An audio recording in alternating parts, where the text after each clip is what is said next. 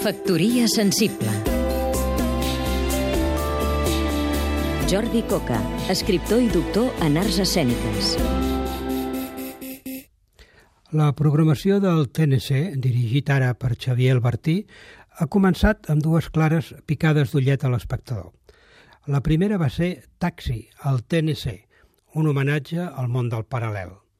Es tractava d'indicar amb un punt i a part més que evident que començava una nova etapa en què aquest món suposadament frívol de la revista també hi tenia cabuda. La segona proposta d'Albertí és Terra de ningú, un text del Premi Nobel de Literatura Harold Pinter.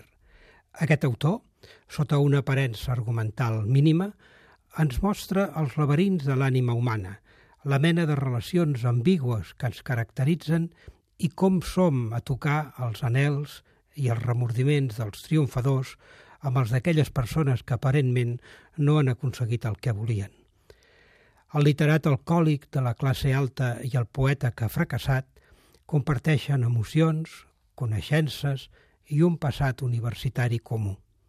De la mà del gran poeta Eliot, Pinter ens explica que la simplificació no resol els problemes profuns, que el món no s'entén únicament amb grans titulars, que la veritat és complexa per molt que ens interessi aparentar el contrari.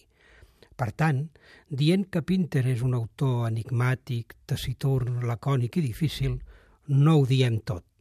A ell també li agradava veure's com un autor entossudit a descobrir la veritat de les nostres vides i de la nostra societat, tal com va dir en acceptar el Premi Nobel.